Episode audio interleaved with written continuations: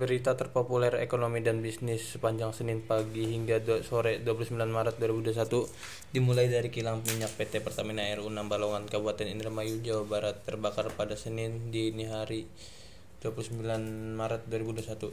Selain itu ada juga berita tentang iridium yang harga roketnya harganya meroket hingga lebih dari 100% sejak awal Januari 2021 hingga akhir Maret 2021. Lalu berita tentang pemerintah yang memastikan empat bandara segera melayani tes genosis per 1 April 2021. Berikutnya adalah berita soal dua agenda utama RUU PST BCA berupa pembagian dividen dan pengangkut pengangkatan direktur baru. Lalu terakhir ada soal politikus PKS Kurniasih Mufidayati yang menolak kelima topik tersebut. Soal dua agenda utama Lalu terakhir ada soal politikus Kurniasih rencana pembayaran THR tahun ini dengan cara mencicil. Kelima topik tersebut paling banyak menyedot perhatian pembaca di kanal bisnis tempo.co.